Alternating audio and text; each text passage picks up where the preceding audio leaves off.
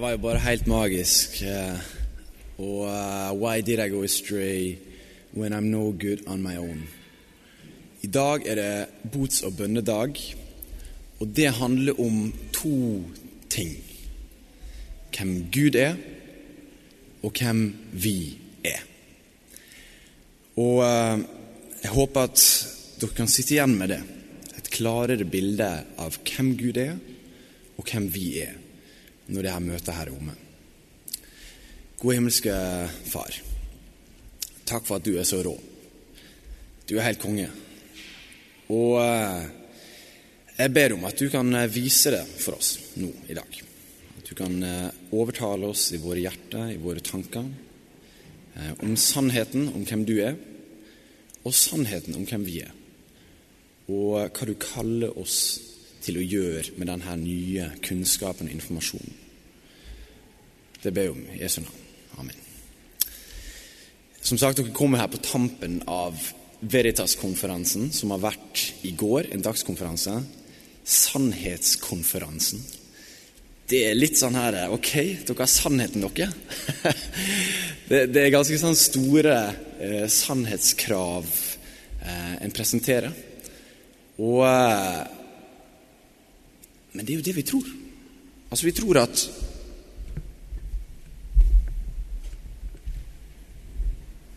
Vi tror at det fins noe som er sant.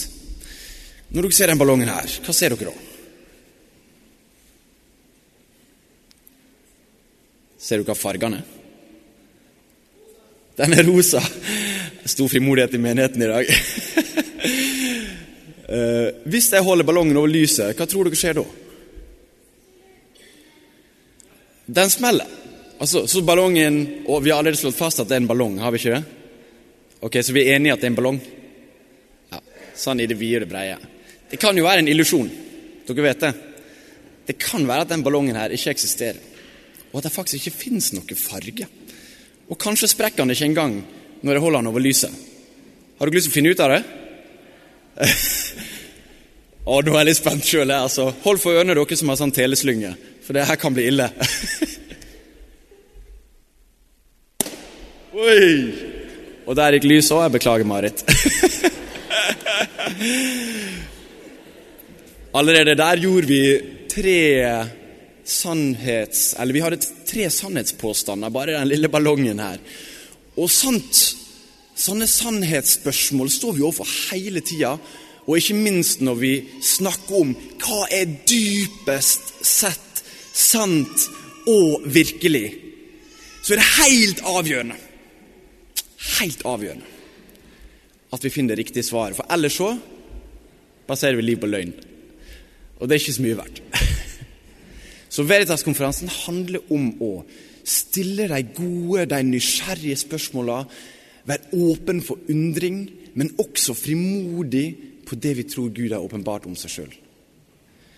Og i dag så har vi en tekst, Lukas 18, eh, vers 9-14, hvor jeg tror eh, Gud har åpenbart en sannhet for oss. Jeg ønsker at vi skal lese, eller jeg kan lese den opp nå, hele teksten. Eh, altså alle fem versene. Til noen som Ja, skal vi se. Til noen som stolte på at de selv var rettferdige, og så ned på alle andre, fortalte Jesus denne lignelsen. To menn gikk opp til tempelet for å be. Den ene var fariseer, og den andre toller. Fariseen stilte seg opp for seg selv og sa slik, nei, og ba slik. Gud, jeg takker deg for at jeg ikke er som andre mennesker. De som svindler, gjør urett og bryter ekteskapet. Eller som den tolleren der. Jeg faster to ganger i uken og gir tiende av alt jeg tjener. Tolleren sto langt bak unna og ville ikke engang løfte blikket mot himmelen, men slo seg for brystet og sa, Gud, vær meg synder nådig. Jeg sier dere, tolleren gikk hjem rettferdig for Gud, den andre ikke. For hver den som setter seg selv høyt, skal settes lavt. Og den som setter seg selv lavt, skal settes høyt.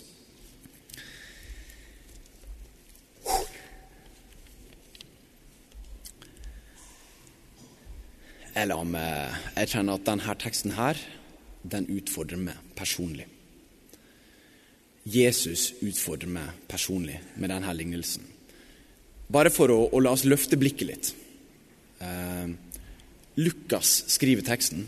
Lukas, legen, historikeren, altså detaljemannen, K-en på disktesten. Lukas var opptatt av å få det riktig. Og i gjengivelsen sin av evangeliet om Jesus så er det ingen av de fire evangelistene som brukte flere lignelser enn det som Lukas gjenfortalte. Altså Når vi skal huske på hvem Jesus var, så må vi jo huske at eh, fyren levde jo i, i altså Han hadde jo virket i tre år, og det var liksom det var mye som skjedde på den tida som umulig kan ha kommet med i evangeliet. Så det er ikke sånn at evangeliet er en utømmelig kilde om kunnskap til alt som skjedde med Jesus og disiplene. Men den gir oss det viktigste, og den gir oss fire forskjellige innfallsvinkler fra fire forskjellige evangelister. Eh, Lukas har fokus på å skrive til folk som er litt utafor. Grekerne kan en tenke seg var liksom hovedmålet eh, når, han, når han formulerte seg. Og han skrev til dem om Jesus som menneskesønn. Altså Jesus var frelseren som kom for alle mennesker. Og særlig så la han vekt på disse her litt undertrykte, litt utafor, de, de, fattige, de spedalske, på den tida kvinnene, de som hadde litt lavere status, hedningene, de som sto utafor jødefolket. Og han var ofte i samtale med fariserene. Og det er ofte harde ord han bruker når han er i samtale med fariserene. Og hvis dere har lest gjennom evangeliet, så ser dere at fariserene prøver jo tross alt ofte å sette ham på plass. Så det Jesus uh, gjør, er liksom bare 'right back at you'. og så setter han dem på plass med et par betimelige spørsmål. Uh, og, og, det er på en måte storkonteksten med det evangeliet som vi har lest ifra. Og så skjer det noe i kapittel 18 og før og like etter kapittel 18 som er interessant. Eh, I slutten av kapittel 17 så snakker de masse om Guds rike. De snakker om eh, Disiplene har masse spørsmål om hva er det her Guds rike Hvor finnes det? Og så sier Jesus ja, men det, det, kom, det, er ikke sånn at du kan si se der er Guds rike, eller der er Guds rike, eller der er Guds rike. Guds, Guds rike er i dere. Og så, og så, sier han likevel at det er ikke bare en abstrakt sak, sånn som tall er abstrakte ting innenfor matematikken og sånn, men, men en dag så skal Guds rike det skal komme i hele sin velde. Og, og faktisk så bruker han det her bildet, og jeg vet ikke hvor mange av dere som har vært ute i en stormfull natt en gang og sett et lynnedslag. Er det noen som har sett det, eller kanskje til og med hørt det? Det er helt fantastisk.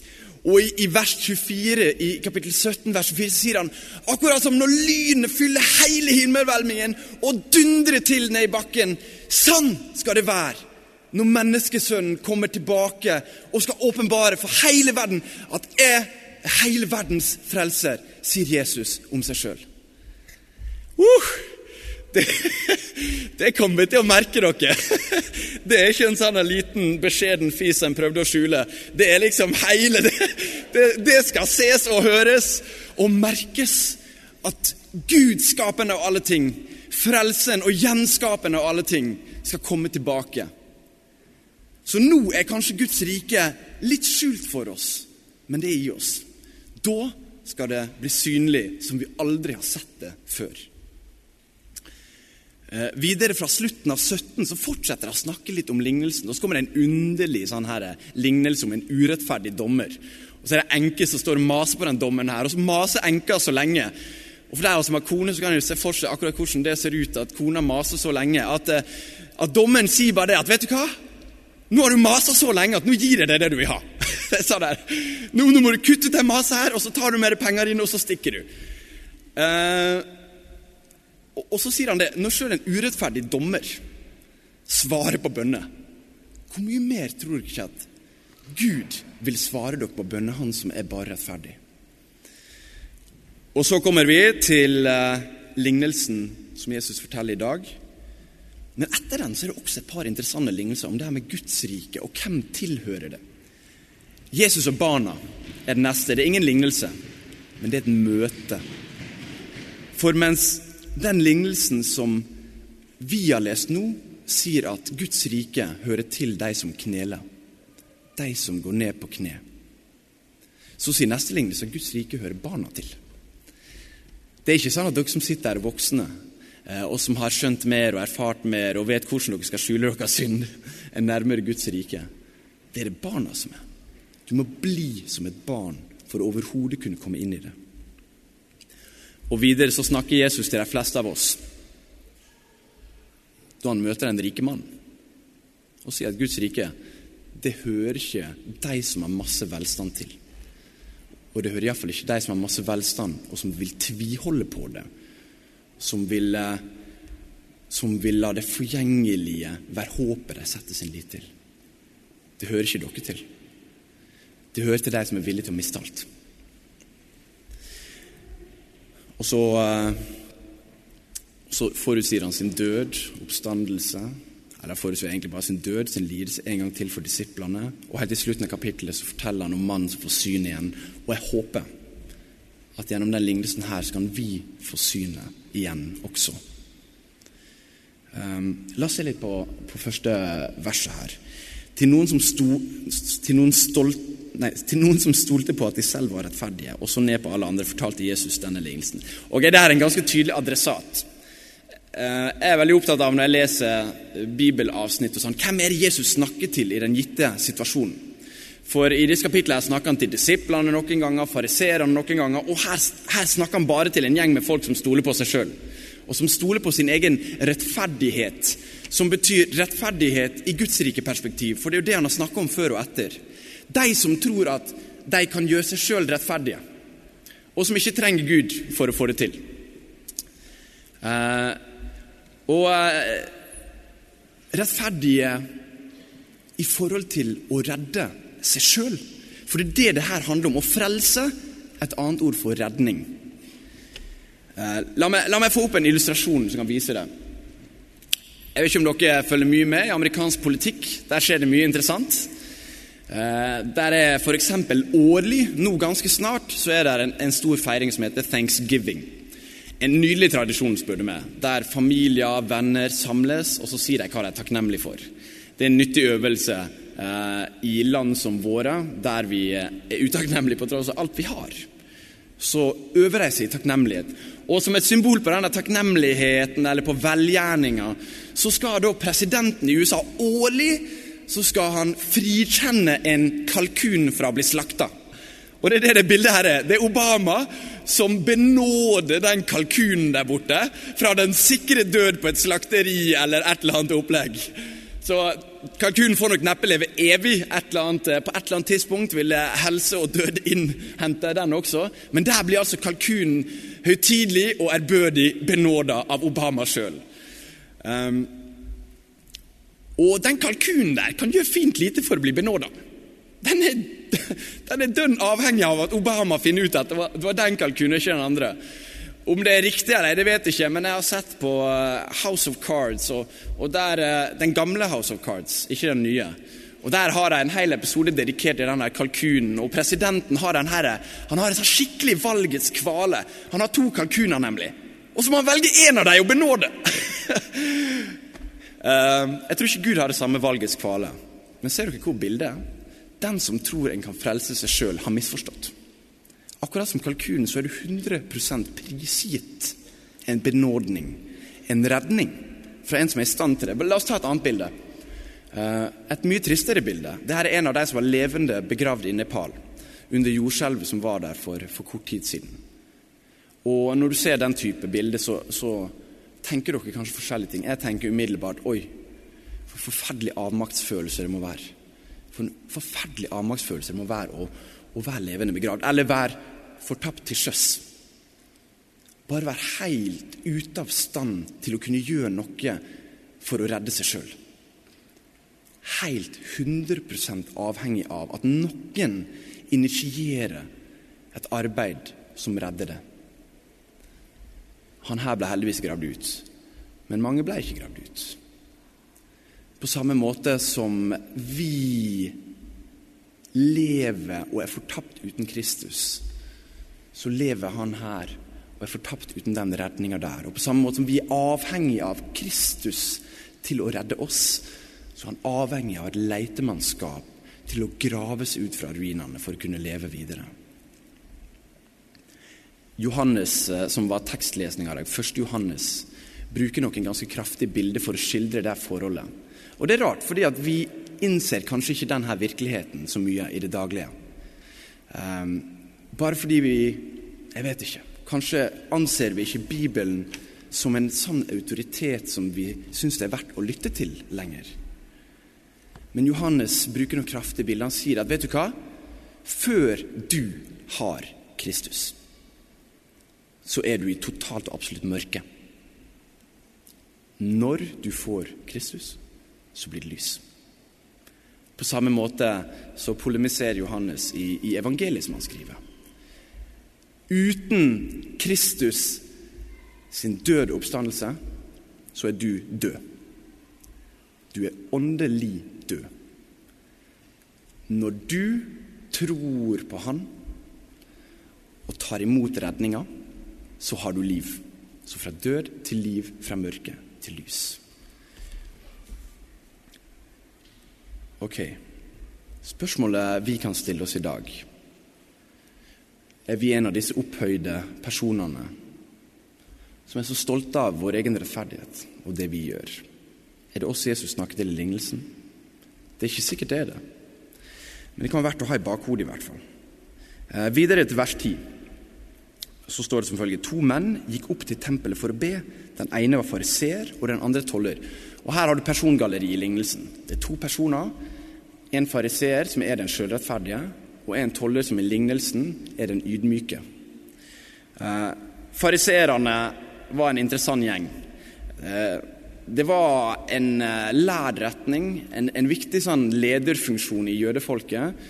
Og de, eh, det oppsto når, når, jødene var liksom spredt over hele området. Og um, de hadde både Toraen, altså Mosebøkene, som, som sånn, det, det, var det de lærte ut fra, så hadde de en veldig sterk muntlig tradisjon. Og i, i tillegg til disse her 613 buda i Gamle Testamentet, i Toraen, så hadde de lagt til flere tusen bud. Det er derfor vi ofte kaller dem for legalister eller, eller loviske. Fordi at i, i denne fariseertradisjonen så var det masse ekstrabud som ble lagt som byrde på folket. Som sånne muntlige påbud om hvordan du skulle leve. Og, og jeg tenker på meg sjøl, jeg, altså. Jeg tenker på meg sjøl i forhold til bud. Legger jeg av og til ekstra stein på byrden til mennesket? pålegger jeg noen ganger folk flere bud enn det Jesus sjøl gjør. Jeg lurer av og til på om jeg gjør det innimellom. De hadde også en veldig streng tenkning om vi innafor, vi fariserene og de utafor. Vi jødene og de ikke-jødene. Som gjorde at vi ville kalle det nærmest noen sånn sekteriske trekk i dag. Har vi noen av de samme sekteriske trekkene av og til? vi innafor og de utafor? Har vi noen ganger den sjølopphøyde posisjonen i vår egen tanke? Vi bedre, de dårligere? Um, jeg tror vi kan gå til neste bilde her. Og så var det tollen, da. Og Jeg vet ikke hva forhold dere har til skatteinnkrevere. Noen av dere får sannsynligvis et brev ca. en gang i året der dere får gode nyheter eller dårlige nyheter om hvor mye dere får igjen, eller hvor mye dere må betale på skatten. På det jevne kan jeg si at Når du må betale mye, så er det ikke det hyggeligste brevet du får.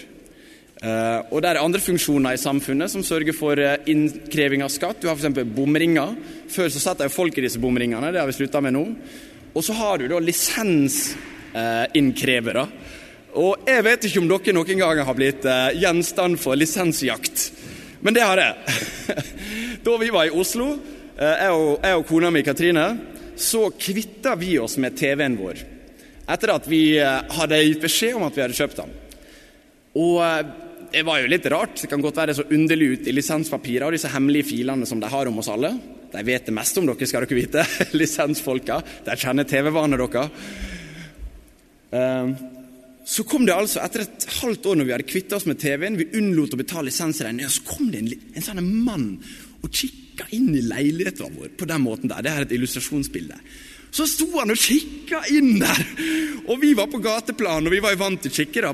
i den forstand. Som, vi så jo folk hele tida, eh, så det var viktig å være påpasselig om morgenen når en skulle gå fra, fra, rommet til badet og være riktig og anstendig påkledd og sånt. Men der sto det altså en kar og kikka inn vinduet og lurte på hvem er det her for en. Og Så gikk han rundt i andre sida, der det var en sånn 90-gradershjørne, og så kikka han jommen inn et annet vindu, og så hørte vi at det banka på døra. Og så sto lisensinnkreveren der. Ja, ser at dere ikke har betalt lisens. Med et ark i hånda, og så sa han det er bare til å signere her, og så skal vi få ordna det. Og vi hadde ingen TV, så jeg vet ikke hva han hadde sett når han hadde kikka inn vinduet der. Men det er iallfall ikke en person som er invitert tilbake på fest, for å si det sånn. Lisensinnkreverne har vel kanskje en noenlunde sånn status som tollerne hadde. Bare at tollerne var enda mer sånne utskudd i jødisk kultur. For de var gjerne jøder sjøl. Og så hadde de begynt å kollab hva heter det, kollaborere. Er det et ord? Samarbeide tror jeg er bedre. Bra innspill, tidligere stipendiat. Ja. Så hadde de begynt å samarbeide med romerne, så de samla inn penger for Rom. Og Det likte jo ikke disse her, det likte jo ikke jødene generelt, og langt mindre fariserene, som har en enda strengere innafor, utafor tenkning. Um, så det, det, er persongalleriet. Så kan vi gå videre til vers 11. Uh, Fariseeren stilte seg opp for seg sjøl. Legg merke til det for seg sjøl, aleine. Aleine mer enn noen ting, altså. Det er fortapelsens vei. Frelsens, redninga og fellesskapets vei er sammen. En uh, Gud som gjenspeiler en fortapt virkelighet, en Gud som er aleine. En Gud som gjenspeiler en ekte virkelighet, en Gud som er sammen med noen. Det er Gud som er sammen med seg sjøl i den tredje naturen sin.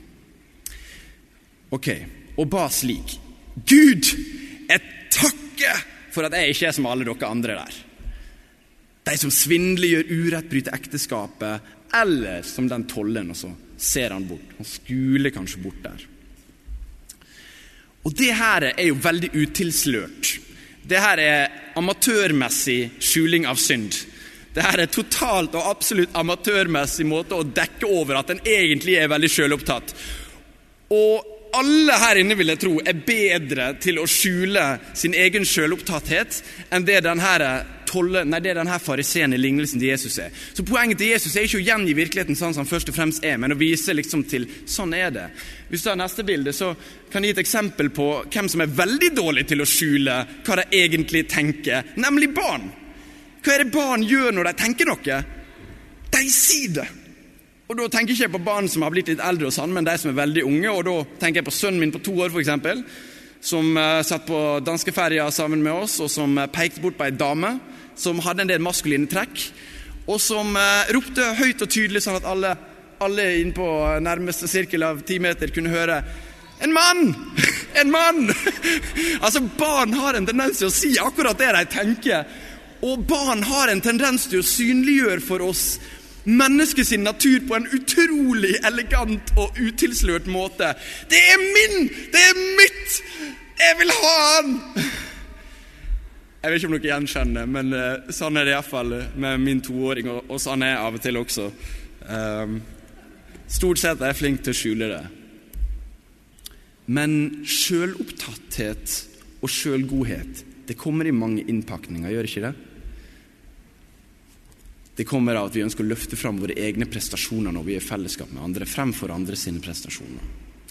Det kommer av det som jeg av og til merker at jeg sjøl gjør, og som jeg iallfall merker når andre gjør når jeg skal si navnet på alle viktige og kjente personer de har møtt, for å vise hvor viktig og kjent de er.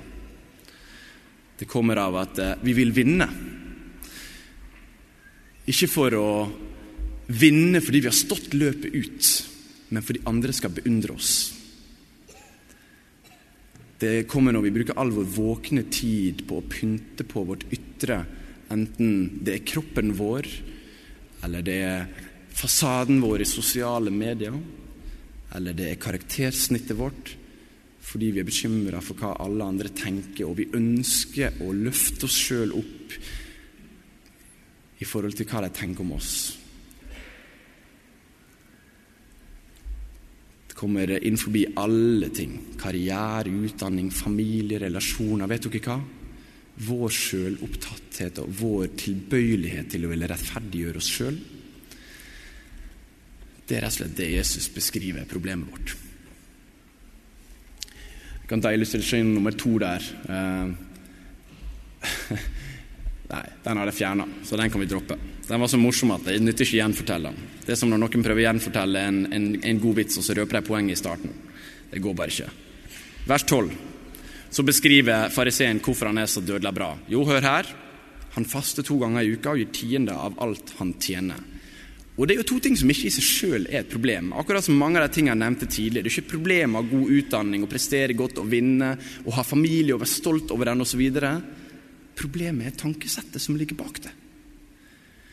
Um, faste to ganger før så het det faste bots- og bønnedag. Visste dere det? Så i Norge tidligere så eh, var det en offentlig Altså det var flere offentlige dager i løpet av hele året der det var faste, bot og bønn som sto i fokus for hele folket. Og her skryter fariseen av sine egne gjerninger. Men vet du hva Jesus gjør i Matteus eh, når han skal fortelle de samme fariserene, som sikkert har diskutert med ham om loven? Han sier du, loven dere, har dere misforstått? Det er ikke bare den som dreper noen, som er skyldig, fysisk dreper noen. Men bare den som er sint på sin bror urettmessig, er skyldig overfor loven i drap. Så sier han videre at dere kan gi offergave så mye dere vil, men uten at du forliker det med personen du har synda mot. Hva er det verdt? Hva type offer er det? Eller så sier han det om ekteskap. at vet du hva? Jesus løfter hele loven opp på et nytt plan. Han tar det fra det vi gjør, til det vi er, det vi tenker. Og så sier han det. Det er ikke bare den som ligger med noen, som bryter ekteskapet. Men bare du har tenkt på og begjært noen i ditt sinn, så er du skyldig ekteskapsbrudd. Så Jesus tar hele den forestillinga om lovene du kan innfri, alt du skal gjøre for å bli så bra, og hele den ideen om at du kan bli rettferdig ved det du gjør, så sier han tull! Eller tullball, som eh, David ville sagt fra Karmøy. Tullball! Og så sier han at den er opphøyd, den enda høyere. Det du er! Det som er motivet ditt, det som driver deg, det som er sjela di er gjennomsyra av. Det står du ansvarlig for overfor meg, og det fins ikke én eneste rettferdig. Det fins ikke en eneste en. Alle er dere avhengig av at jeg griper hånda deres og redder dere. Vers 13. Tolleren sto langt unna og ville ikke engang løfte blikket mot himmelen, men slo seg for brystet og sa, Gud vær med synd, synder nådig. Altså, Tolleren blir jo ikke kreditert her. Han får ikke ære i lignelsen fordi at han er toller. Det kan godt være det var et uredelig yrke, og vi vet det var mye tyveri og snusk og unndragelse. Og Det er jo ikke det faktum at han heller nødvendigvis har skilt lag med folk og kanskje har blitt, eh, blitt sekulær i tankesett og alt mulig sant, men tolleren blir løfta fram for sin holdning til hvem Gud er, og hvem han er i forhold. Og i vår kirke, i vår tid, så har vi gjerne Buddy Jesus, og vi kan få bilde av han. Vi har en eh, gudeforestilling som jeg tipper at noen lagde fordi de syns at ah, nå har vi gjort Gud for utilgjengelig her. Gud er jo tross alt relasjonell, han vil jo ha med oss å gjøre. Og så har de masseprodusert denne dukka som selges overalt i souvenirshop i USA. Buddy Jesus. Faren selvfølgelig ved at vi bare gjør Jesus til buddy og venn, det er at vi reduserer Jesus til å være menneske, og vi opphøyer mennesket til å nærmest være Gud. og er det ikke det vi har en lei tendens til å gjøre? Vi vil være Gud sjøl. Vi vil redde oss sjøl. Vi vil definere oss sjøl. Vi vil skape verdi i livet vårt sjøl. Så har du selvfølgelig andre grøfter, at du gjør Gud så høy og hellig og der oppe og så utilgjengelig.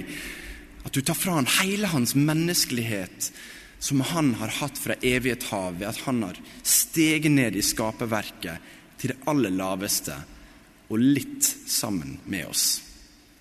Vi skal selvfølgelig prøve å unngå begge disse grøftene her. Men vi trenger å lære oss holdninger som Jesus underviser i denne lignelsen.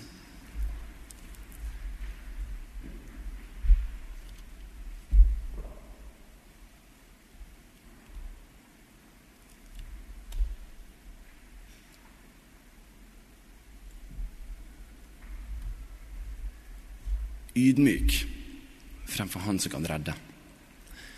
Og paveinnsettelser symboliserer det veldig flott, syns jeg. En mann som vi gir kanskje altfor mye ære pga. sin menneskelige posisjon. Men sjøl han må legge seg ned på gulvet, flatt på magen, fremfor Gud. Bare for å synliggjøre posisjonen som vi står overfor Gud i. Det er bare han som kan redde. Så kommer vi til konklusjonen av lignelsen, der Jesus har det, det vanlige 'jeg sier'. Jeg sier dere. Da har han, da har han liksom Da har han poenget sitt. Da, da skal han eh, fortelle oss hva han vil fram til. Jeg sier dere, tolleren gikk hjem rettferdig for Gud, men den andre ikke. Det betyr at tolleren er frelst, er redda, av at han har tatt imot Guds rettferdighet. Den andre er fortapt i evig tid, fordi at han vil bli rettferdig ved sine egne gjerninger. For hver den som setter seg selv høyt, skal settes lavt, og den som setter seg selv lavt, skal settes høyt. Hvis du blir rettferdig ved egen tro, eget gjerning osv., så, videre, så tror du har misforstått hva soning Jesus hadde, og hvorfor nettopp hans soning var viktig. Det er bare Gud som kan sone for lovbrudd mot Gud. Vi står bare ikke i forhold engang. Så ethvert offer vi som mennesker måtte kunne ønske å gi overfor Han som har skapt oss, det er bare en skapningsoffer. Bots- og bededag, dere. Det er tid for å la mennesket være menneske. Det er tid for å komme frem for Gud på kne og ta imot alt han har å gi. Og det ønsker jeg å fortelle dere. Gud ønsker ikke at du skal bli forværende på kne i total sjølfornektelse og total pessimisme. Men Gud ønsker at du skal komme til Han på kne, sånn at Han kan sette deg fri fra byrden av at du må frelse deg sjøl. Jesus ønsker å sette dere fri. Og om du ikke allerede er fri, så kan det være dagen der du tar det valget.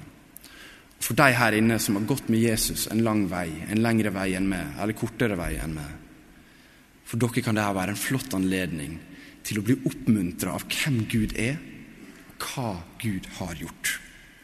Det her er en tid for ny begynnelse.